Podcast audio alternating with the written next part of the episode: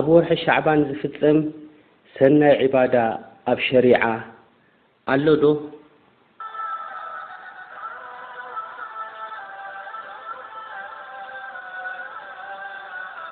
ወርሒ ሻዕባን ኣብ እስልምና ፍሉይ ቆላሕታ ዝግበረሉ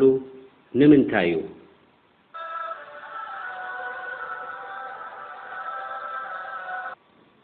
ኣልሓምዱሊላሂ ረቢል ዓለሚን ወሰለላሁ ወሰለመ ዓላ ነቢይና ሙሓመድ ክቡራት ኣሕዋተይን ኣሓተይን ኣሰላሙ ዓለይኩም ወራሕመቱላሂ ወበረካቱህ ኣብ ዝሓለፈ ወርሒ ወርሒ ናይ ረጀብ እንታይ ምዃኑን ብልጭኡን ተዛሪብና ኔርና ሎሚ ውን ፈዳኢል ሸህር ሻዕባን ብልጫታት ወርሒ ሻዕባን እንታይ ኣሎ ብዛዕብኡ ኣብ ሸሪዓ ዝተጠቐሰ ኣብ ሓዲስ ናይ ረሱል ሰለላሁ ዓለይሂ ወሰለም ከ እንታይ ኣሎ ዝብል ኣብኡ ክንዛረብ ኢና። ኡሳማ ቢን ዘይድ ረዲየላሁ ዓንሁ ከምቲ ኣብ ሪዋየት ትርሚዚ ወነሳኢ ተረኺቡ ዘሎ ንነቢይና ሙሓመድ ሶለሏሁ ዓለይሂ ወሰለም ሓቲትዎም ኦ ልኡኽ ኣላህ ያ ረሱሉሏህ ካብ ካሊእ ኣዋርሕ ብዝያዳ ኣብ ሻዕባን ክትፀሙ ይሪኦኩም ኣለኹ እሞ ንምንታይ ኢሉ ሓተቶም ነቢይና ሙሓመድ ሶለሏሁ ዓለይሂ ወሰለም ክምልስሉ ከለው ዛሊከ ሸህር የቕፈሉ ዓንሁ ናስ በይነ ረጀብ ወረመዷን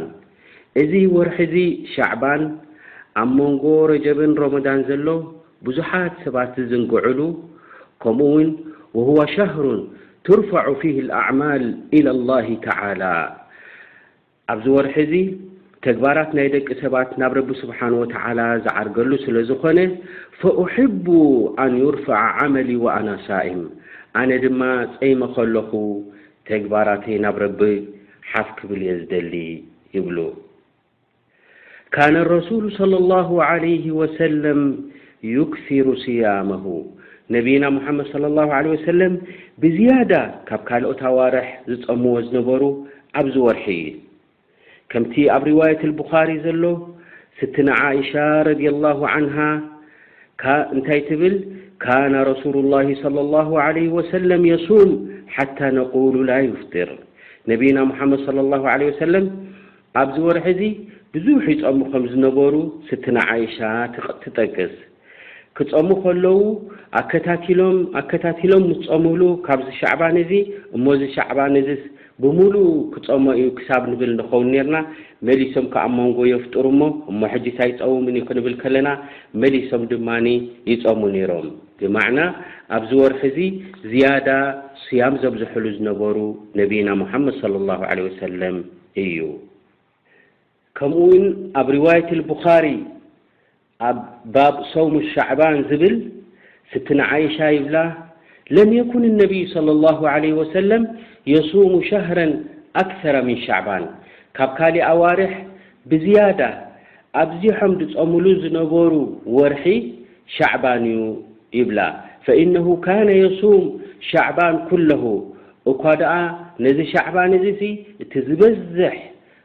መዓልታቱ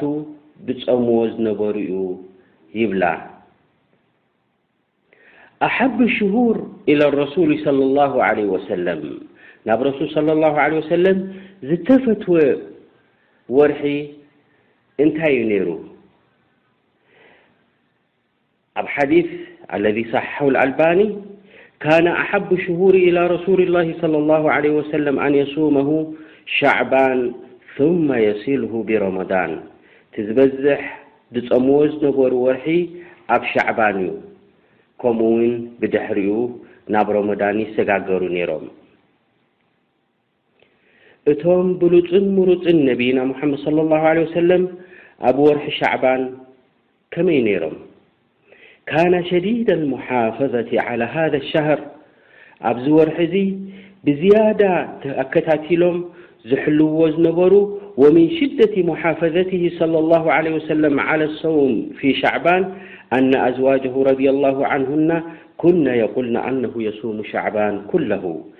ብምሒር ኣብዚ ወርሒ'ዚ ዝያዳ ይጸሙ ስለ ዝነበሩ፣ ብምሉኡ እዚ ወርሒ'ዚሲ ክጸምዎ'ዮም ዝኾኑ ክሳብ ዝብላ ነይረን ኣንስቲ ናይ ረሱል ሰለላሁ ዓለይሂ ወሰለም። በዚ'ዮም ድማ ብዙሓት ዑለማእ እንታይ ይብሉ? ኢነ ስያም ሻዕባን ኣፍደሉ ሚን ሳኢሪ ሽሁር ይብሉ። ማለት ኣብ ሻዕባን ጾም ካብ ካሊእ ኣዋርሕ ዝበለጸ እዩ ይብሉ ነይሮም። ነዚ ክብልዎ ዝበቕዑ ድማ ንምንታይ እዩ እንተ ተባሂሉ ምኽንያቱ ነብይና ሙሓመድ ሰለላሁ ዓለይሂ ወሰለም ዝያዳ ዝጸምሉ ዝነበሩ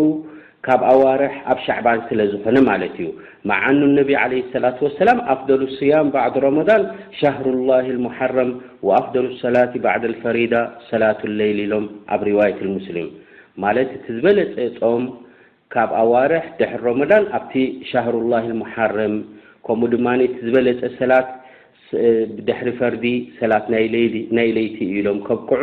እንተኾነ ግን ዑለማ ብምሒር ኣከታቲሎም ዝፀምዎ ዝነበሩ ነቢይና ሙሓመድ ሰለላሁ ዓለይሂ ወሰለም ናይ ሻዕባን ኣብ ሻዕባን ዝፅወም ዝያዳ ብልፀት ኣለዎ ይብሉ። እምበኣር ኣብ ሻዕባን ዝያዳ ዝጽወመሉን ዝያዳ ቆላሕታ ዝተገበረሉን ንምንታይ እዩ እንተ ተባሂሉ ከምቲ ኣብ ሓዲስ ናይ ረሱል ሰለላሁ ዓለይሂ ወሰለም ተጠቒሱ ዘሎ ቀዳማይ ኣነሁ ሻህሩን ተግፈሉ ናስ ዓን ልዕባደት ፊሂ ብዙሓት ሰባት ካብ ዒባዳ ዝዝንግዑሉ ወርሒ ስለ ዝኾነ እሞ ድማ ብፍላይ ድማ ገለ ገለ ሰባት ኣብ ሻህር ረጀብ እቲ ረሱል ዘይበልዎን ዘየምጽዎን ክፍጽሙ ጸኒሖም ኣብ ሻዕባን ድማ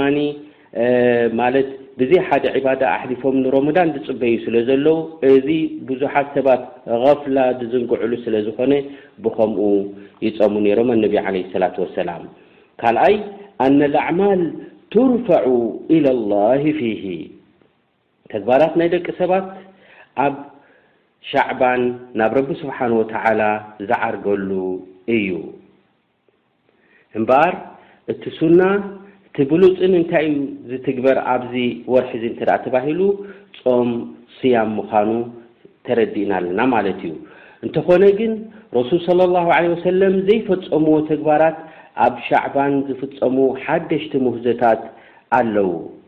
ነብዩና ሙሓመድ ሰለላሁ ዓለይሂ ወሰለም እውን ሕድርኹም ሕድርኹም በቲ ሱና ናተይ ክትከዱን ሓድሽ ሙህዞታት ከይትፍጽሙን ኢሎም ከብቅዑ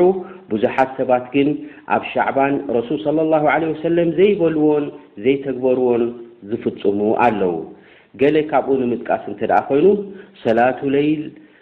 ሰላቱ ለይለቲ ንስፍ ሚን ሻዕባን ኣብ ሻዕባን ኣብ መበል ዓሰርተ ሓሙሽተ መዓልቲ፣ ለይቲ ማለት'ዩ፣ ተሲእካ ክትሰግድን ከምኡ ድማ ፍሉይ ዓይነት ጽምብል ክትገብርን እዚ ረሱል ሰለላሁ ዓለይሂ ወሰለም ዘይፈጸምዎ ብዙሓት ደቂ ሰባት ዝትግብርዎ ሓድሽ ምህዞ'ዩ። ከምኡ'ውን ኣልቀውሉ ቢኣነ ሲያሚ ለይለቲ ንስፊ ሚን ሻዕባን የቂ ሚን ዓዛቢል ቀብር እውን ዝብሉ ኣለዉ። ኣብታ መበል ዓሰርተ ሓሙሽተ ናይ ሻዕባን እንተድኣ ኣጸይምካትኒ ካብ ዓዛብ ኣልቀብር ረቢ ይሕልወካ እዩ ዝብሉ ኣለው እዚ ግን ቁኑዕ ኣይኮነን እንተኾነ ግን እቲ ሓዲስ ሰሒሕ መጺኡ ዘሎ ካብ ረሱል ዓለይሂ ሰላቱ ወሰላም ኣነ ኣላህ ዓዘ ወጀል የጠልዑ ፊ ለይለቲ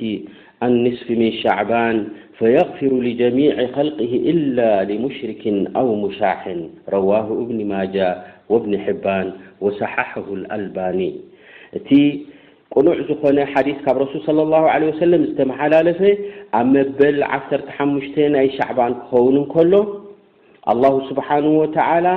ነቶም ኣብ ሽርኪ ዘይወደቑን ኣብ መንጎ ኣሕዋቶም ባእስን ጽልእን ዘይብሎምን ኣላሁ ዓዘወጀል ዘንቦም የቕፍረሎም ዝብል እዚ እቲ ቅኑዕ። ስለዚ እምበኣር ኣብዚ ሻዕባን እዚ እቲ ተባኢሱ ዘሎ ይኹን ኣብ ነንሕድሕዱ ቅርሕንቲ ገይሩ ዘሎ ሙሳማሓ ክገብርን ከምኡውን ካብ ሽርኪ ደቂ ሰባት ክርሕቁ ከሎ ከም ዘለዎምን እዚ ሓዲስ እዚ ይሕብረና። ከምኡ ውን ኣነቢ ዓለይሂ ሰላቱ ወሰላም ዘይበልዎ ኣሓዲስ ረሱል ኢሎሞ እዮም ተባሂሉ ዝዝውተር ኣሎ ከምቲ ብዙሕ ሰብ ዝብሎ ማለት እዩ ኣላሁማ ባሪክ ለና ፊ ረጀብ ወሻዕባን ወበልግና ረመዳን እዚ ካብ ረሱል ሰለላሁ ዓለይሂ ወሰለም ዝመጸ ሓዲስ የለን እንተኾነ ያኒ ጽቡቕ ዱዓ እኮ እንተኾነ ረሱል ኢሎሞ እዮም ክትብል ግን ቅኑዕ ኣይኮነን ማለት እዩ። ከምኡ ውን ሓዲስ ኣሎ ኣብ ብዙሓት ደቂ ሰባት ዝተዘውተረ ፈድሉ ሻህር ሻዕባን ተባሂሉ ከፈድሊ ዓላ ሳኢሪ ልኣንብያ ናይ ሻዕባን ብልጫ ከምቲ ናተይ ብልጸት ካብ ኩሎም ነቢያት እዩ ዝበልዎ ረሱል ኣሎ ተባሂሉ ዝዝውተር ኣሎ እዚ ውን ቅኑዕ ኣይኮነን። ከምኡ ውን ኣብ መበል ዓሰርተ ሓሙሽተ ናይ ለይቲ ሽዱሽተ ረክዓ በይነ ኣልመቅሪብ ወልዕሻእ ድሰገደሲ ካብ ዓዛብ ኣልቀብር ይሕለው ዩ ዝበልዎ ኢሎም ዮም ረሱል ሰለላሁ ዓለይሂ ወሰለም ዝብልዎ ተቀባልነት የብሉን ምክንያቱ ሓዲስ ናይ ረሱል ሰለላሁ ዓለይሂ ወሰለም ከምኡ ዝብል ሰሒሕ የለን ስለዚ እምበኣር ክቡራት ኣሕዋተይን ኣሓተይን እዚ ሻዕባን እዚ